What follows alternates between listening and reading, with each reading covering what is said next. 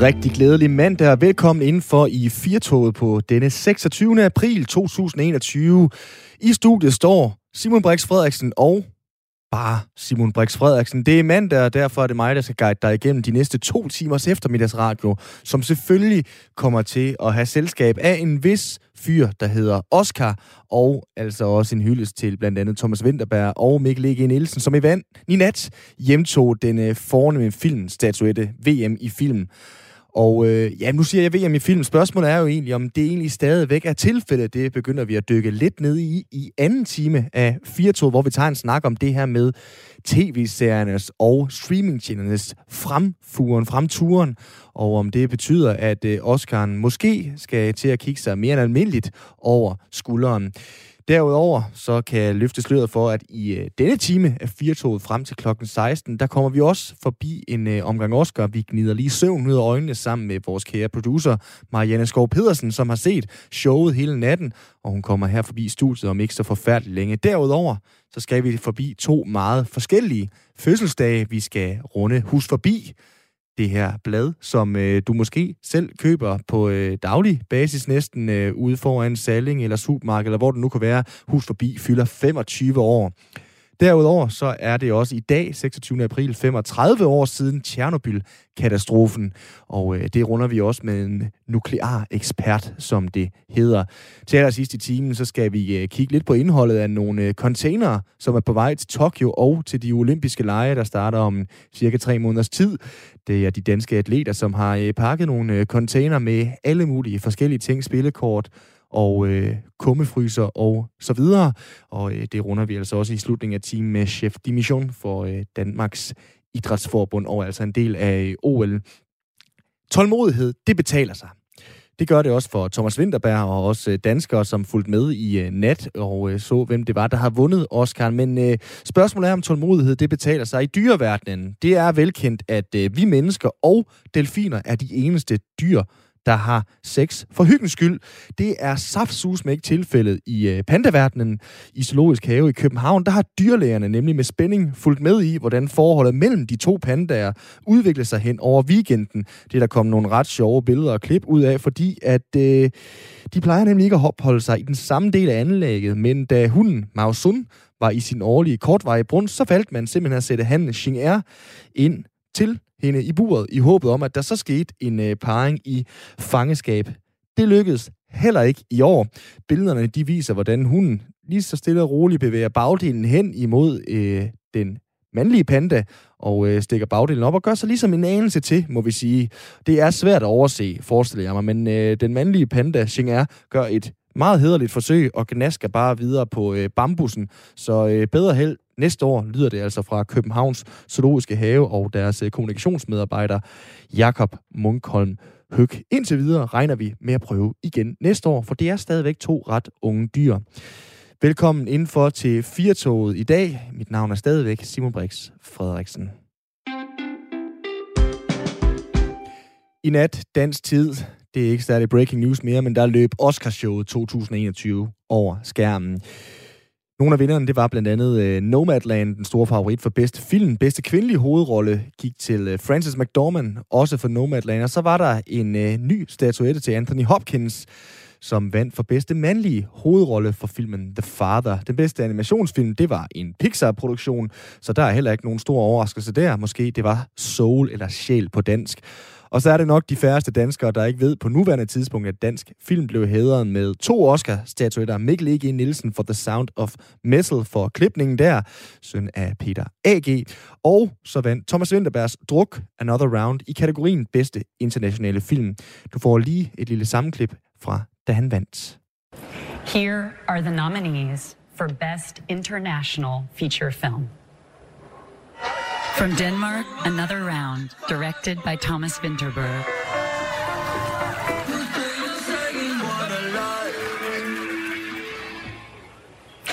And the Oscar goes to Another Round, Denmark, directed by Thomas Vinterberg. Thank you very much. Thanks to the Academy for voting on this film. This is beyond anything I could ever imagine. Except this is something I've always imagined. since I was five or something.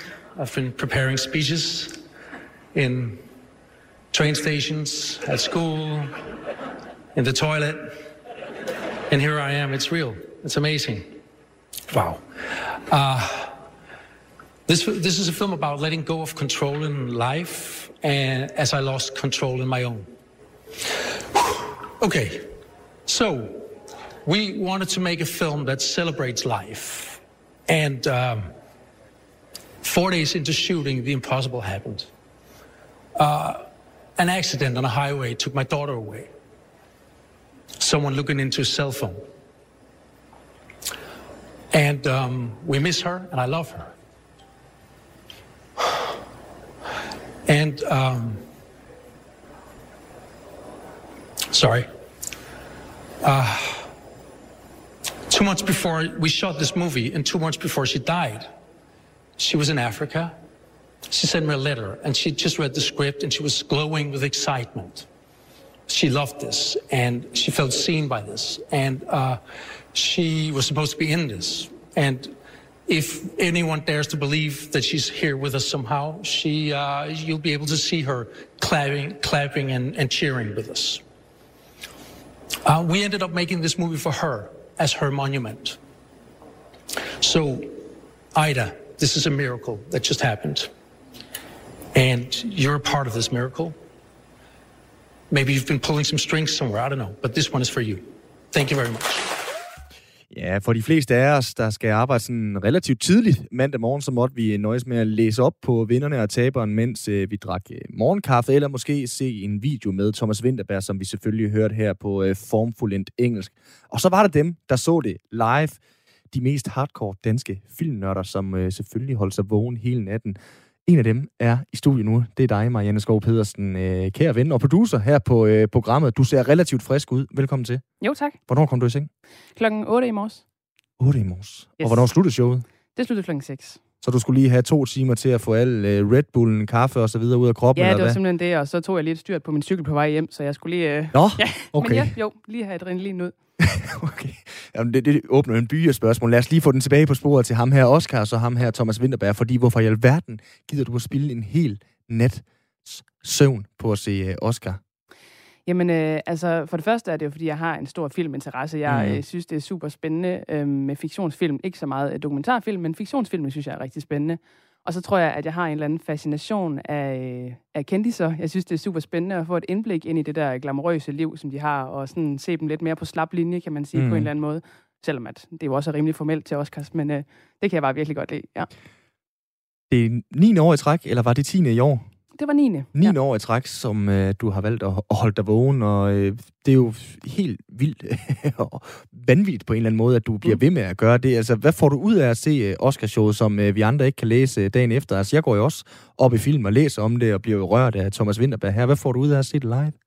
Men jeg synes bare, det er det der med at se det lige, når det sker. Der er mm. bare noget mere spændende i det. Også for eksempel, altså, da, øh, det var super spændende at se, da La La Land blev kaldt op for øh, tre år siden som den forkerte film, der havde vundet øh, Best Picture, hvor. Ja. det var Moonlight. Altså, det er bare sjovt at ligesom se det i det, der sker, og ikke øh, læse et resume bagefter. Jeg kan bare rigtig godt lide live-aspektet i det. Ja. Har du et højdepunkt fra øh, natten? Øh, altså selvfølgelig set med danske briller, Thomas Winterberg var super, super fedt. Øhm, så øh, synes jeg, at der var nogle sjove takketaler indimellem. Der var også nogle kedelige, men, men øhm, Emerald Fennell, som vandt for øh, Best øh, Original Screenplay mm-hmm. Mhm. øh, for The Promising Young Woman, hun var øh, en brite, som vi også snakkede om i fredags, da jeg var her, at øh, britter, de har bare en eller anden charme, og hun var slet ikke forventet det, så hun var også meget sådan øh, paf over det, og, og undskyldt over, at hun ikke havde forberedt en tale, og hun synes bare, at det hele, det var, hun kunne slet ikke lige tage sig sammen, og det blev bare et meget komisk mm. øjeblik. Ja. Det var noget med, at der også, øh, apropos britter, som vi også talte om i fredags, du lige fik nævnt, da du også var forbi, han, øh, Daniel Kaluuya, der vandt for bedste mandlige birolle, han havde Yes. også en relativt morsom øh, takketale. Simpelthen. Han, øh, han takkede sine forældre for, at øh, de havde haft sex. Det kan man jo også selvfølgelig. Ja, det er. It's wonderful to be alive. Det var det, han ligesom mente med det. Tak for, at I har haft sex, mor og far. Hvilke film hæppede du sådan særligt på, ud over druk? Fordi den tænker jeg, den er ligesom uddebatteret på rigtig mange mediers øh, platforme, skrift og tale og tv og så videre. Der. Var der nogle andre film, som du sådan virkelig hæppede på i nat? Altså, jeg kunne faktisk rigtig godt lide den film, der hedder The Trial of Chicago 7, som handler Mm. om en demonstration i, øh, i Chicago, eller en retssag omkring den i øh, 1969. Synes jeg var en super, super fed film.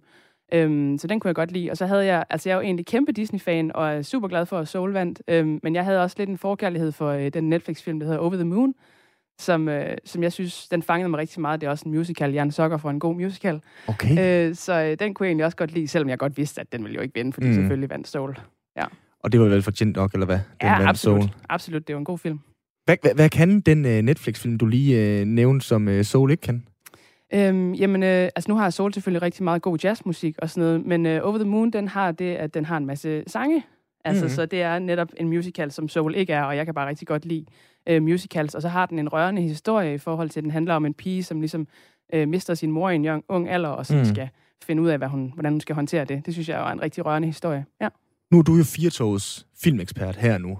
Jo, Du har set det i ni år ja. Øh, live, Oscar-uddeling, og selvfølgelig også fulgt med i film før det. Jeg tænker, Marianne, den der udvikling med, øh, med film, der kommer fra streamingtjenesterne, som nu øh, har gjort sit indtog sådan for 11 år i de sidste mange år der. Har, har du tænkt over det, øh, fulgt med i det, hvordan udviklingen har været den vej rundt der, at det nu er film, som, som du ikke behøver at tage ind og se i biografen for at være up-to-date på?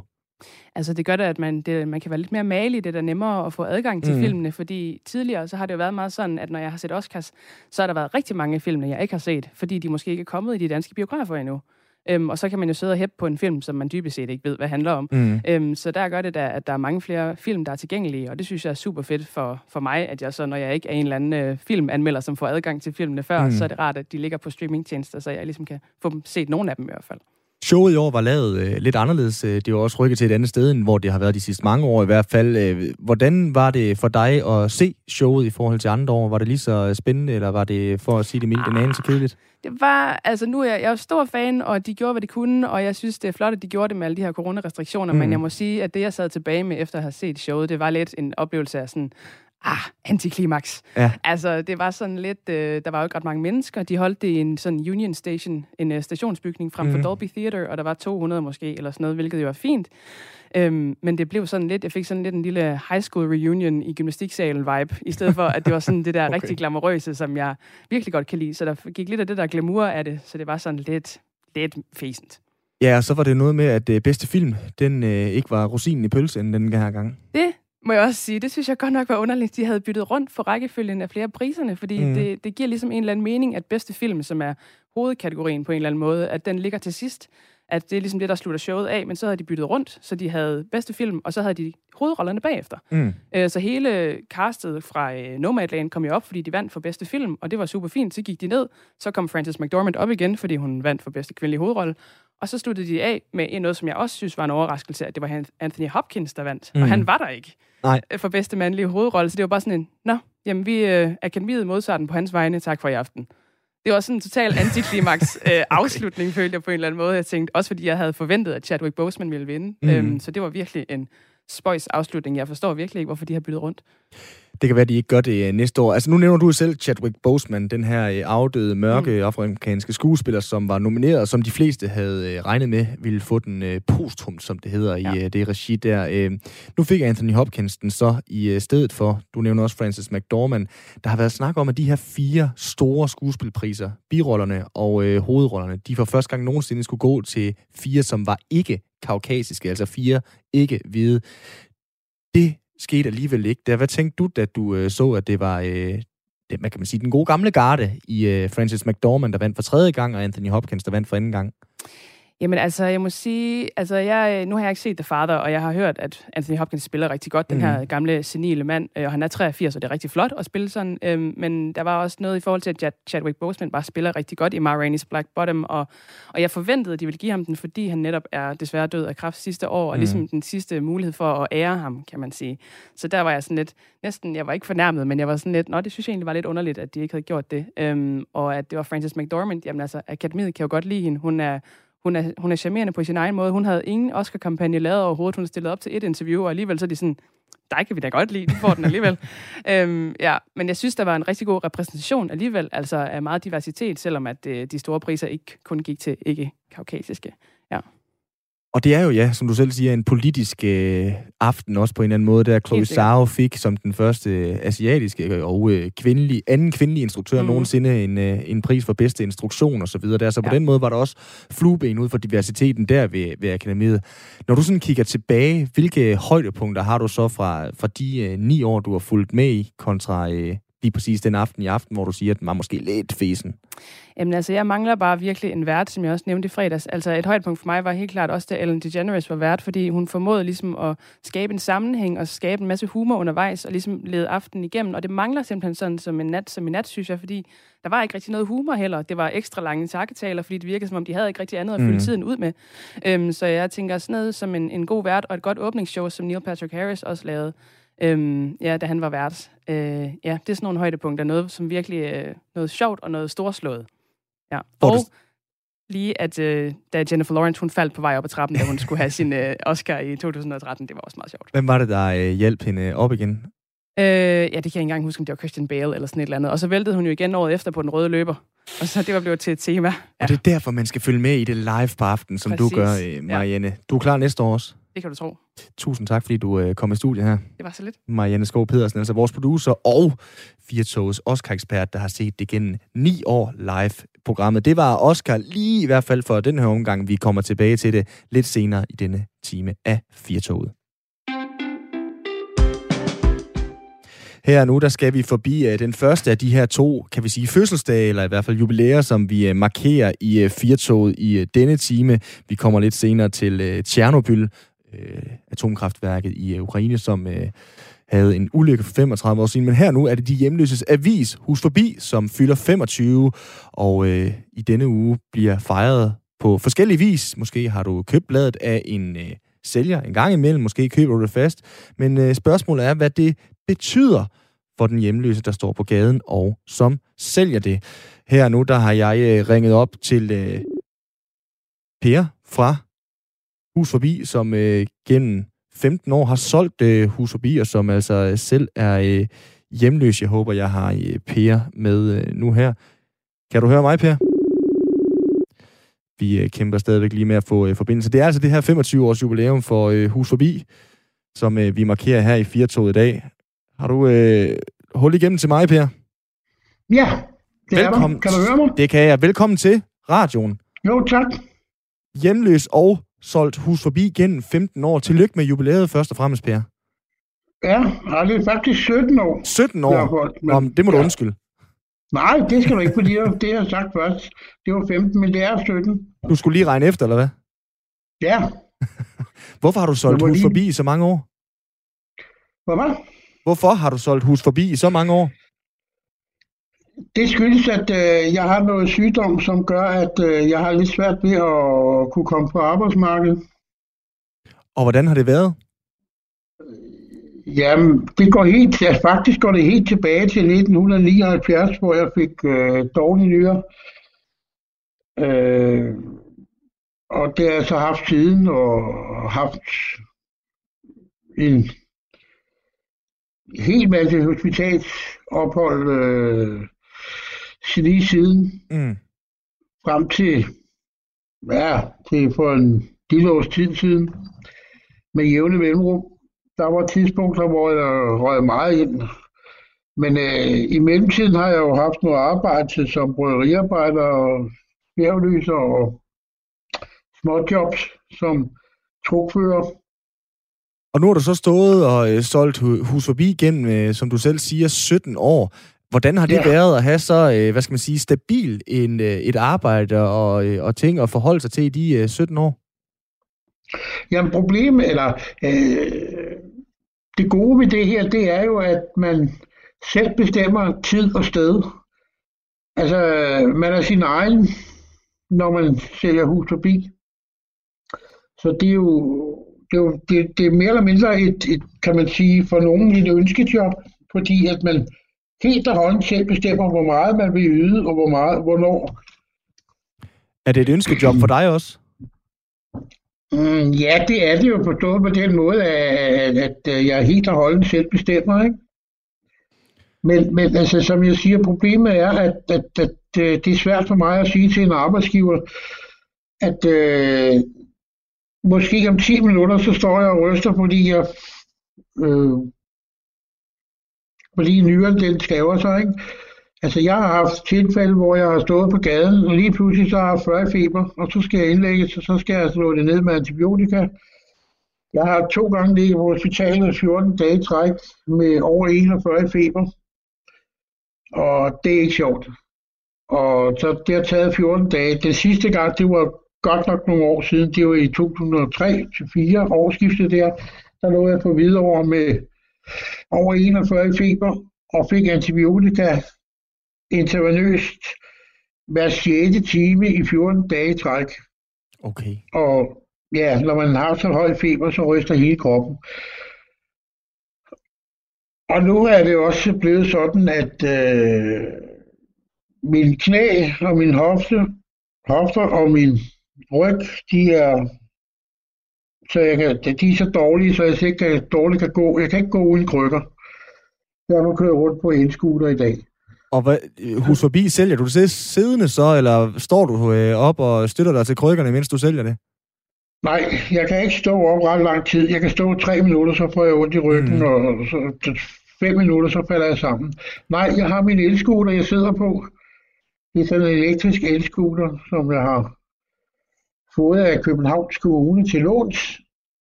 Og der tager jeg to gange om ugen, som regel op til Helsingør, og der sælger jeg så for en kvickly hus forbi. Hvad har været sådan nogle af dine største oplevelser, Per, med at sælge hus forbi i de her 17 år? Uh, jamen det største oplevelse, det er jo den, det er kontakten mellem mig og, og, og mine kunder. Mm. Altså det er sådan, at nu har jeg været deroppe i, jeg kører på 9. år nu, oppe i Helsingør. Og hvis jeg ikke er der, så spørger kunderne efter mig. Desværre så er det de senere år blevet sådan, at jeg, kun, jeg, har, jeg har ikke kræfter til andet end at, at være der lørdag, eller fredag og lørdag. Mm. Og det har jeg så fortalt mine kunder, og jeg har så mange faste kunder, så, så det har de accepteret, eller det bliver de selvfølgelig nødt til, men, men det har de accepteret, og det er nogle rigtig søde og gode kunder, jeg får nogle rigtig gode øh, sluder med dem. Altså, jeg sluder meget med dem og taler meget med dem, så... Jamen, det må vel også være fordi, at du er god til at henvende dig til dem. Hvad, hvad tænker du over, når du skal henvende dig til øh, nogle af de kunder, som du nu har øh, ja, nærmest lært at kende op i øh, Helsingør de sidste mange år? Jamen, altså det der er, det er, at jeg henvender mig ikke som sådan. Altså, jeg sidder bare, og så kommer de selv. Altså, jeg har, øh, jeg har den taktik, i modsætning til de fleste andre husforbitalere, at jeg siger ikke noget til kunderne, før de kommer ind. Til gengæld, så taler jeg så meget, så, så det er som regel altid kunderne, der siger til mig, nej, nu bliver vi nødt til at gå, Per, vi skal, vi skal videre. det, det lukrerer vi så på nu her i radioen, at du gider at tale øh, så meget, Per. Det er vi glade for. Per, hva, ja. den her, hvad skal man sige, øh, fordomskanon, som man nogle gange kan blive mødt med som hjemløs, forestiller jeg mig. Er du nogle gange blevet beskudt af den, så at sige? Altså, de her øh, tanker, fordomme, måske endda lidt berøringsangst med, med jer som hjemløse. Er du blevet mødt af den, mens du har øh, solgt hus forbi? Ja, men, men, men, men ikke, ikke, ikke i særlig stor grad, fordi at øh, i starten, øh, jeg har aldrig haft problemer med, du ved, at skulle henvende mig til, til, til andre mennesker og spørge om noget, eller eller, eller tale med fremmede og sådan noget. Og det, det kommer helt naturligt. Øh, jeg ved, der er mange af mine kollegaer, som måske ikke er lige så gode. Øh, øh, det kræver lidt mod at, at starte som avisælger, men det har aldrig været for mig. Så, så, men jeg har selvfølgelig mødt et par gange, altså Øh, jeg stod en gang ude ved Domus Vista, en lille historie der, så kom der en, en fyr på en, sådan omkring to meter høj, cyklede direkte mod mig, og var ved at køre mig ned, efter han siger til mig, flyt dig, kan du ikke finde en anden sted at stå og tjekke. Der skete så det, at øh, jeg blev godt nok kom op i det røde felt, og så fik han en stor modfald, at jeg stod ikke og tjekkede, jeg solgte en avis. Mm. Jeg sælger et produkt. Han satte cyklen, gik ind og handlede, kom ud igen, sagde ikke et ord og kørte. Jeg har set ham siden, han har aldrig talt til mig siden.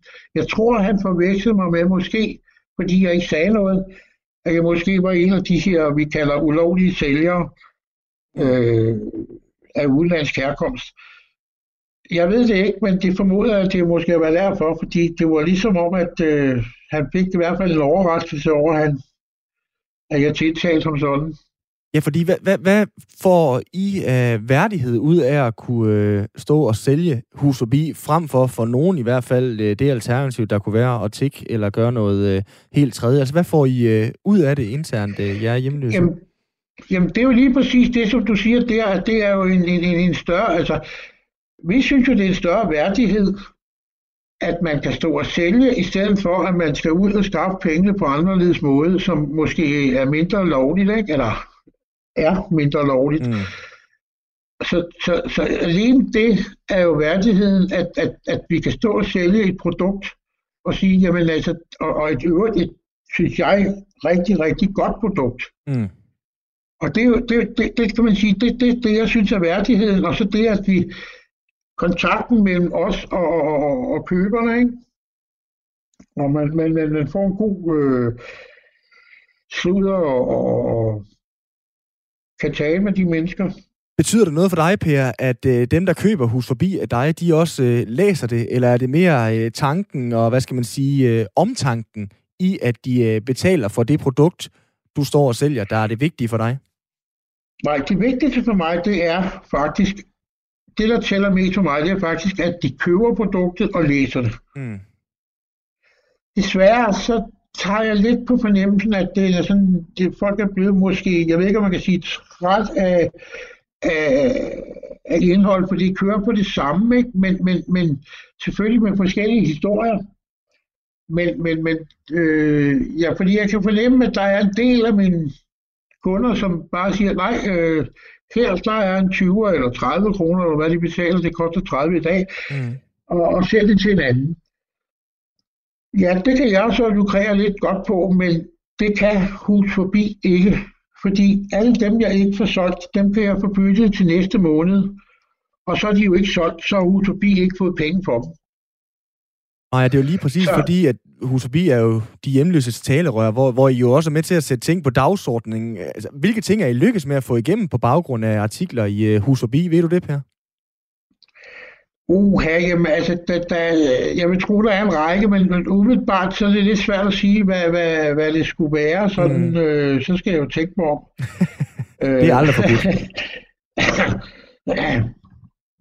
Nå jo, men altså, øh, det vi har fået igennem, det er jo for eksempel, at alle de historier om de forskellige mennesker, at der findes nogle hjemløse, som ikke har det alt for godt, og ja, lidt om, måske meget omkring med de afsavn, man har som hjemløs.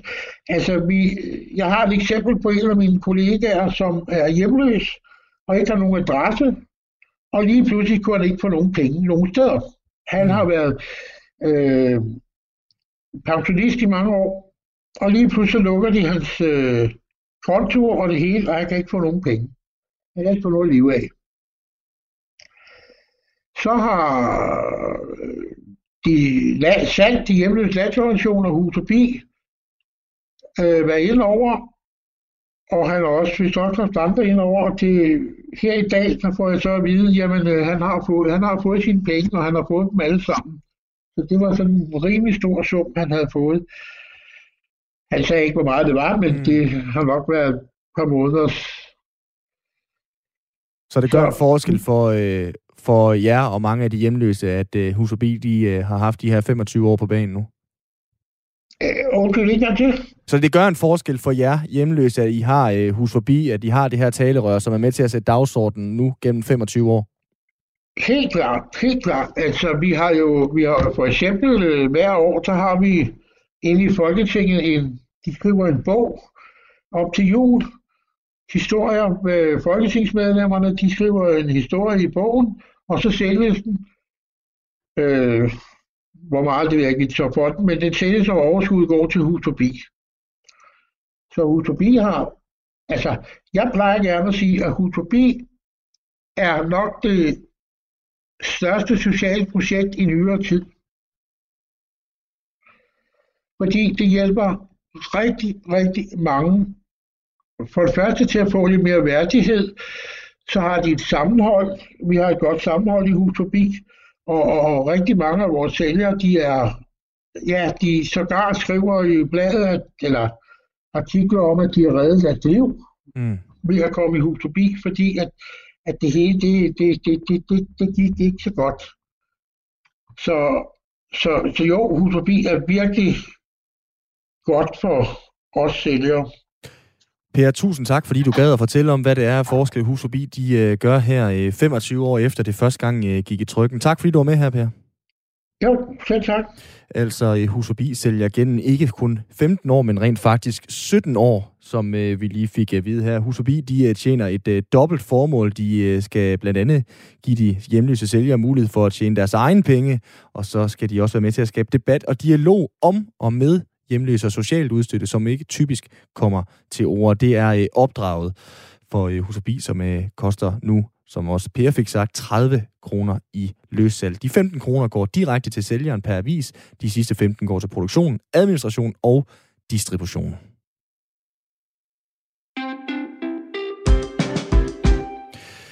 God aften, kammerater. I ved alle, at det har været der har været et utroligt uheld, ulykken i Tjernobyl. Det har påvirket den russiske befolkning på smertelig vis og chokeret det internationale samfund.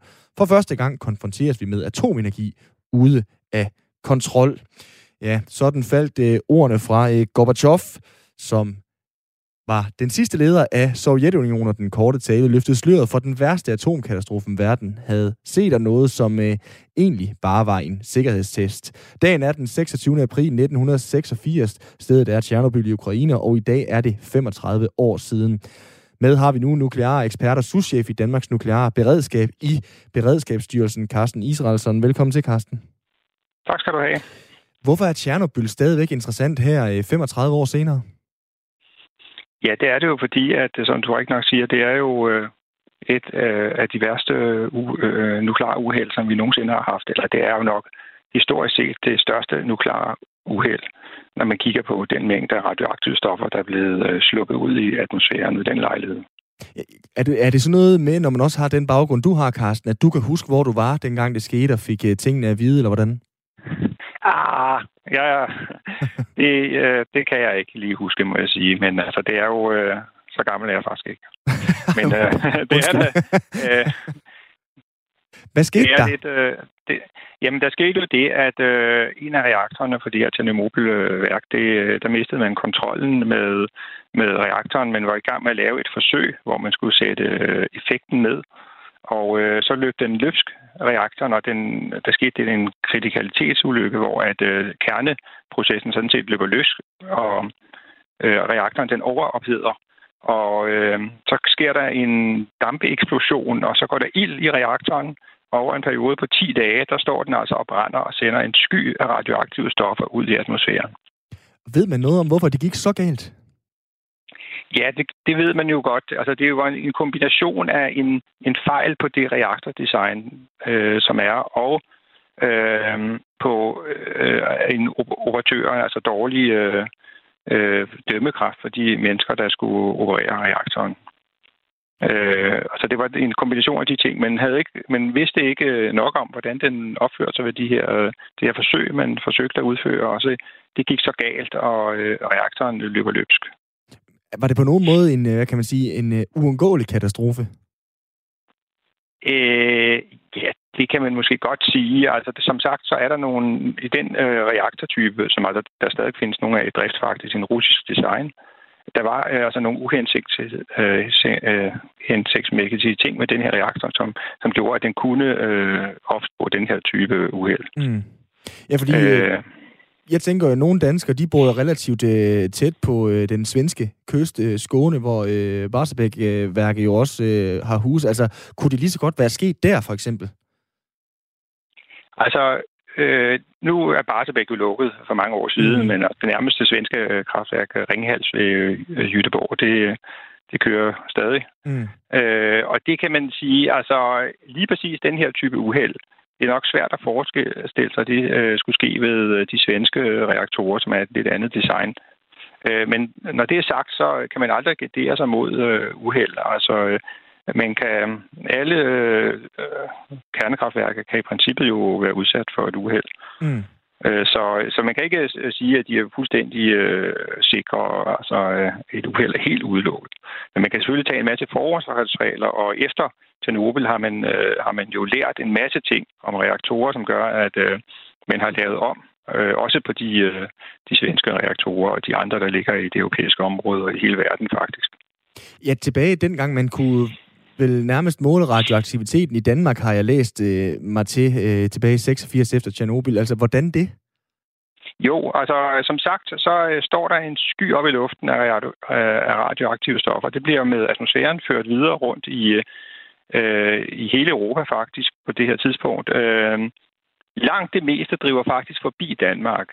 Øh, der, hvor der så er nedbør, og når den her radioaktive sky den kommer forbi, der vil der være en deponering på jorden. Det skete jo i det skandinaviske område, først og fremmest i Sverige og Jotunheim i Norge, hvor den dag i dag ligger et tydeligt øh, målbart øh, mængde af radioaktive stoffer fra Tjernobyl-tiden. Øh, I Danmark, der øh, registrerede man det i nogle øh, luftfiltre, som øh, filtrerer luften, og man var altså, øh, kunne også måle, at øh, at der havde været radioaktivitet i luften, uden at deponeringen i Danmark altså var særlig alvorlig og slet ikke så, så kraftig, som den har været andre steder i Europa. Specielt selvfølgelig i området ned omkring Tjernobylværket. Mm. Nej, for jeg skulle lige til at sige, ja. altså, hvor, hvor, øh, hvor meget vi så kunne mærke det i øh, Danmark og Skandinavien sådan generelt set. Altså, var det øh, frøer med fem ben, eller var der på anden måde sådan nogle af det her radioaktive fordomme, som måske kan være, at øh, det påvirker os på nogen måde? Nej, det, det har man overhovedet ikke kunne registrere i Danmark. Og i hele taget, de her langtidseffekter mm. af strålingen, som man hører meget om, de er... Øh, de har ikke været så voldsomme, men man har haft mulighed for at studere nu langtidseffekterne af stråling, også nede i Ukraine og i Hviderusland-området, som ligger altså inden for en 30 km zone af kernekraftværket, og hvor folk øh, blevet evakueret øh, tilbage i 1986 og mm. for stor vedkommende, at de aldrig vendt tilbage, så er de helbredsmæssige effekter, altså på de langtidseffekterne, forholdsvis små. Øh, der er en overhyppighed af faktisk kun én krafttype i skjoldbuskirten. Ellers har, det, har man ikke kunne øh, finde dokumentation for, at der var en overhyppighed af mange andre øh, krafttyper, som man normalt relaterer til stråling. Og heller ikke det, du siger, de her genetiske effekter, mm. altså at, at, øh, at dyr er blevet forandret, og øh, kvinder har født øh, børn, der har været defekter og sådan noget. Det findes der faktisk ikke noget dokumentation for.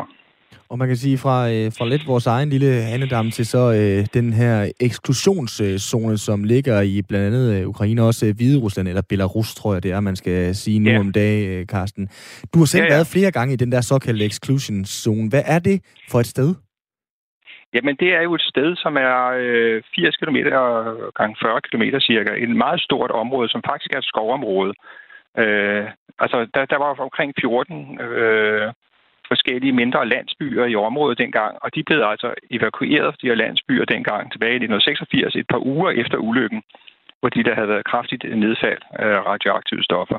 Og de mennesker har aldrig nogensinde vendt tilbage, så området er fuldstændig forladt i dag. Det er afspærret, og der er adgang forbudt. Man kan komme der ind, hvis man øh, vil have forskningsmæssige eller andre øh, ærner, som man øh, kan bruge til at studere. Mm. Altså stråling osv. Og, og det er i den forbindelse, vi har været dernede. Vi har haft nogle nordiske projekter, hvor vi i samarbejde med, med Belarus har, øh, har lavet nogle forskellige måleprojekter, hvor vi så har øvet os i at måle og dokumentere stråling, øh, som vi så kan bruge også i vores eget beredskab hjemme, hvis der skulle være en ulykke, der skulle ramme Danmark. Og den, altså, Carsten, er du så meget på arbejde dernede, at du ikke sådan tænker over, hvor forladt eller øh, hvor, øh, hvor herre det måske ser ud? Altså, jeg, jeg kunne godt tænke mig et eller andet, at du malede et billede for os af, hvordan det er at være rundt dernede, eller, eller er du så meget fordybet i arbejde, ja. kan man sige? Nej, øh, det, er, det er jo øh, det er klart, altså det, det er jo på en eller anden måde øh, fascinerende og uhyggeligt, og det kan man jo ikke helt øh, koble af overfor, vil jeg sige. Mm. Altså, det er øh, man kommer ind i byer, hvor man kan se, at folk er, har forladt øh, byerne, altså inden for ganske få timer. De har, de har ikke engang kunne pakke deres... Øh, i nogle tilfælde, altså, så står der, at der børneværelser med dukker og senge, og ved jeg, nu er det jo gået mange år, så det er jo helt overgroet, og mange huse er styrtet sammen, men det er da dramatisk, det der har været sket, det er der ingen tvivl om. Og for de mennesker, der har boet der, har det været meget traumatisk.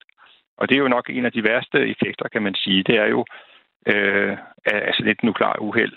det er, at menneskerne har blevet nødt til at forlade området. De har måttet, øh, nogle har boet der i generationer, og kan altså aldrig komme tilbage igen. Mm. Øh, selv her, mange år efter, er der jo så forurenet, at det ikke er egnet for mennesker at bo i områderne. Og det er jo en af de, øh, de store effekter, kan man sige, af sådan et uheld. Og så kan vi så på spole fra øh, for 35 år siden og måske frem til i dag. Du øh, sidder jo som en del af Danmarks nukleare øh, beredskab øh, ved øh, Beredskabsstyrelsen, Carsten. Altså, hvordan er vi givet i Danmark til en øh, ny atomkatastrofe? Ja, altså først og fremmest, så, øh, så er vi jo blevet meget bedre til at varsle øh, Øh, end man var øh, på derværende tidspunkt. Man har, Danmark er med i et netværk af målestationer, så hvis der er forhøjet stråling i, på dansk område, hvor vi har 11 målestationer, som Beredskabsstyrelsen står for at drive det her strålingsovervågning, så vil vi jo få en varsling lige så snart der er øh, forhøjet stråling i luften. Vi vil ikke blive overrasket på den her måde, og som man blev dengang. Øhm, og så er der også nogle varslingskonventioner, sådan at de lande, som har kernekraft, de er forpligtet til at at sende varsel umiddelbart, hvis der skulle ske en grænseoverskridende hændelse med deres kernekraftværker.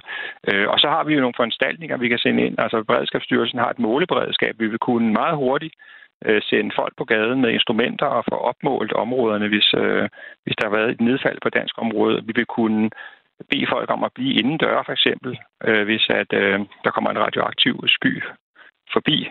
Øh, vi har nogle, nogle forskellige øh, Øh, spredningsmodeller og computermodeller. Vi samarbejder med DMI, så vi faktisk hele tiden overvåger vind- og vejrretning og regner på, hvordan spredningen vil ske, hvis et kernekraftværk i, nærheden af Danmark øh, skulle have et radioaktivt udslip.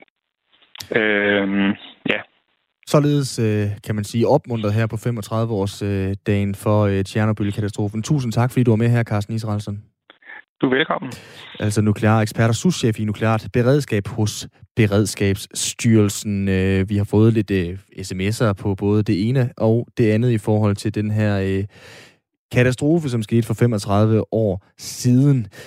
Blandt andet har man jo set HBO's med deres stort anlagte historiske dramaserie gav fornyet fokus til den her katastrofe i Tjernobyl, som jo også stille ret hedder Tjernobyl. Og øh, det kan man jo sige, det har jo øh, medført en slags ny øh, turisme, sådan et, øh, jeg ved ikke, man på en mobil måde kalde det dødsturistmål, øh, eller Auschwitz. Altså det har været øh, super interessant for øh, folk at øh, komme øh, derned og øh, se ligesom historiens vingesus, og også som beskrevet af Karsten her før, vi har fået en sms fra øh, Karsten, en lytter, som har skrevet ind, at øh, 100.000 gæster hvert år besøger Tjernobyl, og øh, simpelthen er forbi. Han har selv været der to gange denne her, øh, nu skal jeg lige have styr på den rigtige sms. Ja, Karsten øh, skriver på sms'en selv, at han har været forbi to gange, og øh, er en af de her 100.000 gæster, der hvert år besøger Tjernobyl. Således opdateret på den her katastrofe, der i dag, 26. april, er 25 år, 35 år siden. I dag sender Dansk Idræt flere containere fyldt med alt fra finstænger til topmadrasser til Tokyo. De mange forskellige ting skal hjælpe de danske OL-deltagere til at præstere bedst muligt, når de om tre måneder skal kæmpe for at vinde guld til Danmark. De seneste uger er gået med at få fat på de mange sager, som i dag så er blevet læsset på containere i øh, Kolding, hvorfra de skal køres med lastbil til Hamburg og videre med skib til Tokyo, så tingene ankommer i god tid, inden lejene begynder i Japans hovedstad 23. juli lige. Her nu, der kan vi byde velkommen til dig, Søren Simonsen. Velkommen til. Tak skal du have. Øh, chef dimission hos øh, Danmarks Idrætsforbund. Øh, Søren, en kummefryser, 300 kortspil, 120 topmadrasser, to Christiania-cykler er noget af det, der er på vej ned til de danske OL-atleter, der har en, øh, ja, må jeg være ærlig at sige, en lidt anden pakkeliste, end hvis man skal 14 dage til Kreta på solferie. Hvad skal de danske OL-atleter bruge en kummefryser til? Ja, vi har, vi har mange spændende ting med. Øh, de fleste af dem øh, har jo en eller anden funktion i et sportsligt setup. Så når du lige spørger til kummefryseren, så er det en, der skal bruges ude på venue, der hvor øh, vores roere skal i konkurrence. Der har vi til den danske delegation jo et telt, som vi dels har nogle havemøbler med til, men også en kummefryser, så de kan holde nogle ting afkølet i en temperatur, der vil jo ligge mellem 30 mm. og 40 grader. Ja, fordi jeg tænker, når øh, de danske atleter skal afsted, hvorfor har de så ikke bare ligesom øh, os andre, der skal på langtur, en øh, 25 eller 35 kilos kuffer, hvor de selv kan øh, pakke, øh, jeg ved godt, ikke en kummefryser, men nogle af de her øh, forskellige ting, der kan være nødvendige for dem? der har de jo alt deres sportsudstyr. De skal være væk i lang tid øh, nu øh, for at tage roerne igen. De tager afsted midten af juni og kommer hjem omkring den 1. august. Så de skal selvfølgelig bruge den, øh, eller de kilo, de har til sig selv. Så vi sørger for øh, de her ekstra sportslige ting. Øh, og chauffør, eller forsøger selvfølgelig at, at transportere det over på den bedst mulige måde, nemlig, nemlig via, via søen og ikke, ikke luften, som er, er dels den dyreste, men også mest mm. klimaforurening. Ja, vi havde jo en del fokus på de danske håndboldherrer tilbage i januar, dengang de vandt øh, VM, og de her, den her famøse femte sal, som de boede på, hvor de havde både det ene og det andet form for spil. Der er også pakket Playstation og specialdesignet spillekort til de danske atleter til OL, hvor flere af dem, med Mikkel Hansen, Pernille Blume, de er afbildet som sådan nogle manga-figurer. Har de ekstra meget brug for den her adspredelse på grund af coronarestriktioner? Jeg tror generelt, at de har brug for adspredelse. Man skal, man skal forstå, at eliteatleterne, de øh, går ikke sådan ud og, og hygger sig i byen, øh, selvom der ikke er corona. De lever øh, i en boble alligevel, fordi de forbereder sig ultimativt til konkurrencen. Så de skal selvfølgelig have noget, de kan foretage sig, når de stresser af og når de slapper af, og det kommer de også til her. Så tror jeg måske i virkeligheden, at vi får endnu mere brug for det den her gang, fordi den smule adspredelse, der plejer at være, den er der ikke. Så, øh, så jo, der, der skal lidt til, så man, man, sige, man kan få tankerne på noget andet mm. end, øh, end den øh, hårde konkurrence, og så, øh, ja, og så få lidt, øh, få lidt smil på læben af anden vej. Med i lasten, der er også øh, træningsudstyr til, til nærmest et helt styrketræningscenter, øh, hvis nu øh, coronarestriktionerne det gør, at de ikke kan trænes helt som øh, normalt. Hvorfor er det, at det her det har været nemmere at transportere i en container frem for at rekvirere det i Japan? Japan er jo, øh, er jo næsten lukket helt ned for os. Vi må ikke komme derud og lave forberedelserne. Det er rigtig, rigtig svært at, at kommunikere med dem øh, på det område her. Øh, så, så vi har simpelthen valgt, at når vi nu alligevel skulle have to containere afsted, og der var plads til det, øh, og det ikke ville gøre en forskel på vores transport, så kunne vi lige godt øh, købe lige præcis de remedier, som vi selv synes, øh, øh, vi skal bruge. Øh, så, så derfor er det blevet den løsning.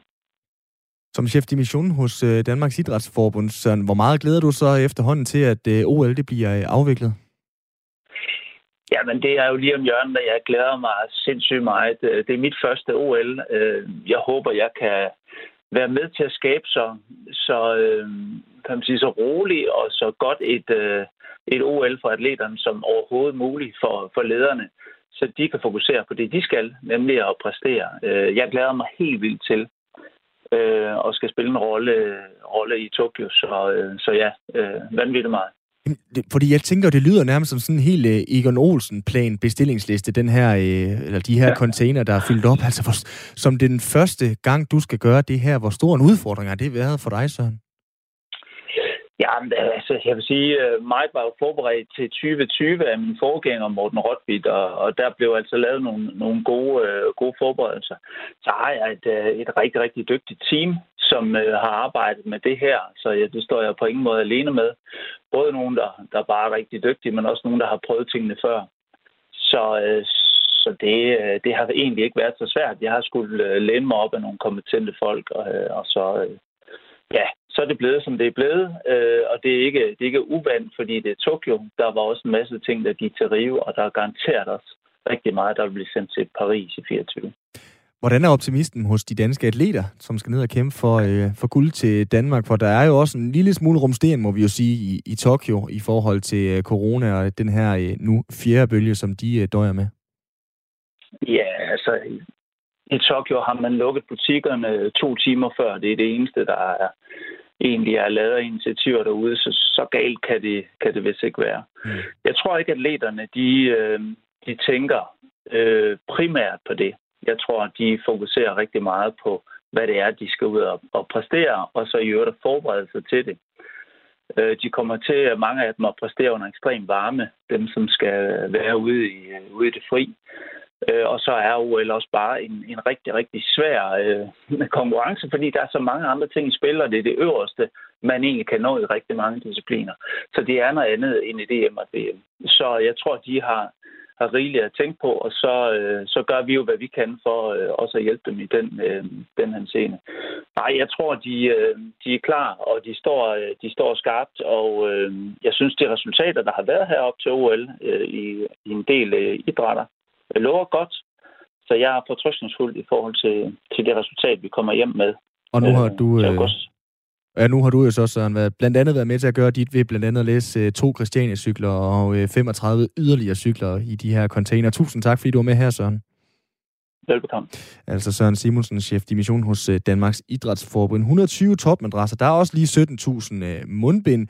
Der er to romaskiner. Der er 160 ruller tape. Så er der et stort whiteboard. 20 fladskærms-tv, der er havestol og borde, der er to flyttekasser med spil, fem Playstations, 100 flag, 300 små flag, 250 plakater og 300 kortspil. En ting er at lave en film, men en film ville ikke være det samme uden filmmusik. Da Thomas Winterberg han skulle vælge, hvilket nummer, der skulle spilles til slutscenen i filmen Druk, hvor man ser en flok studenter fejre deres eksamen, og hvor Mads Mikkelsen bryder ud i dans, der havde han først den amerikanske kunstner Niles Barkley med nummeret Crazy i tankerne. Men det endelige valg, det faldt på danske Scarlet Pleasure og deres nummer What a Life, som de lavede i 2019.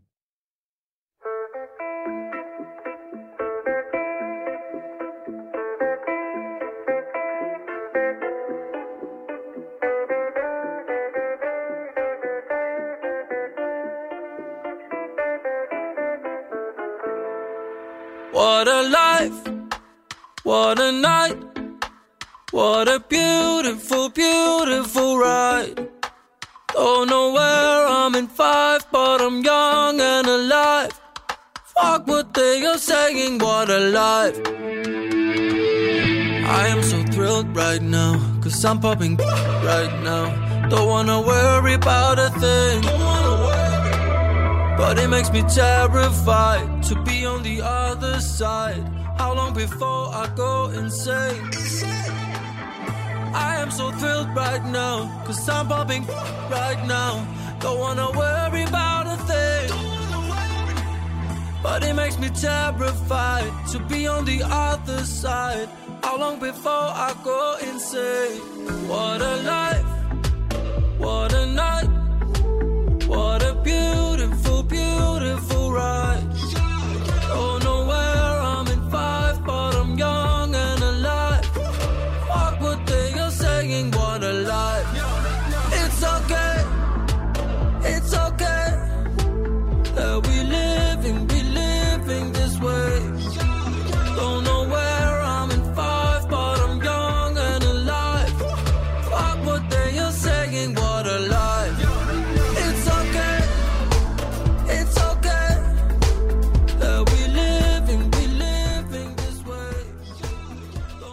Ja, altså Scarlet Pleasure, store hit, som blev akkompagnement til Another Round.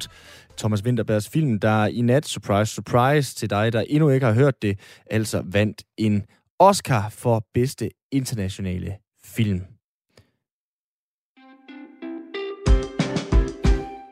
I de sidste to minutter på vej op mod nyhederne her på Radio 4, der øh, har vi valgt at ringe op til øh, Carsten Yde, som øh, med øh, en anden lytters ord er en del af den her katastrofeturisme, fordi han har simpelthen været i Tjernobyl, der øh, for 35 år siden blev ramt af den her katastrofe.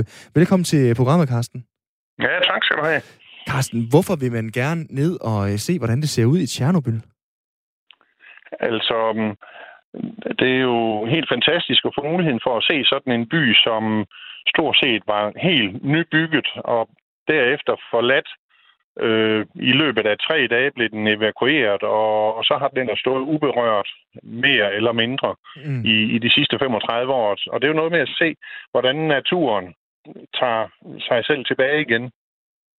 Og nu, tænker jeg jo at sammenligne det før med, med den her slags øh, katastrofe, lidt øh, dødsturisme, som man ser også, hvis man kommer forbi Auschwitz, hvor jeg øh, har tøffet forbi. Altså er det lidt den samme følelse af det der med, med, med døden, der ligesom hænger i fugerne, som øh, du stod med der, eller hvordan? Altså, nu har jeg aldrig besøgt nogen koncentrationslejr, men, men øh, skal vi sammenligne det med noget, ikke? og så er, er øh, radioaktiviteten jo lige så usynlig som øh, covid, øh, øh, virusen, og, og, og de to følelser kan godt sammenlignes. Mm. Man kan ikke lugte det, man kan ikke smage det lige pludselig, så er man måske bare ramt af det, og så en covid, der får man en reaktion inden for, inden for ganske kort tid, hvorimod den radioaktive stråling, den kan jo øh, først øh, den kan vente med at komme til udtryk til, til, til lang tid efter, man rent faktisk har været udsat for, for radioaktiv stråling. Så du kan godt anbefale, at en turen går til Tjernobyl, Karsten? Jeg vil ikke anbefale det til kvinder, der ikke har født de børn, de skal føde. Sagde altså Karsten. Men altså, ellers så kan man, så, så, så kan man, øh, øh, så kan man godt tage ned og få en, en oplevelse, der sætter tilværelsen i perspektiv.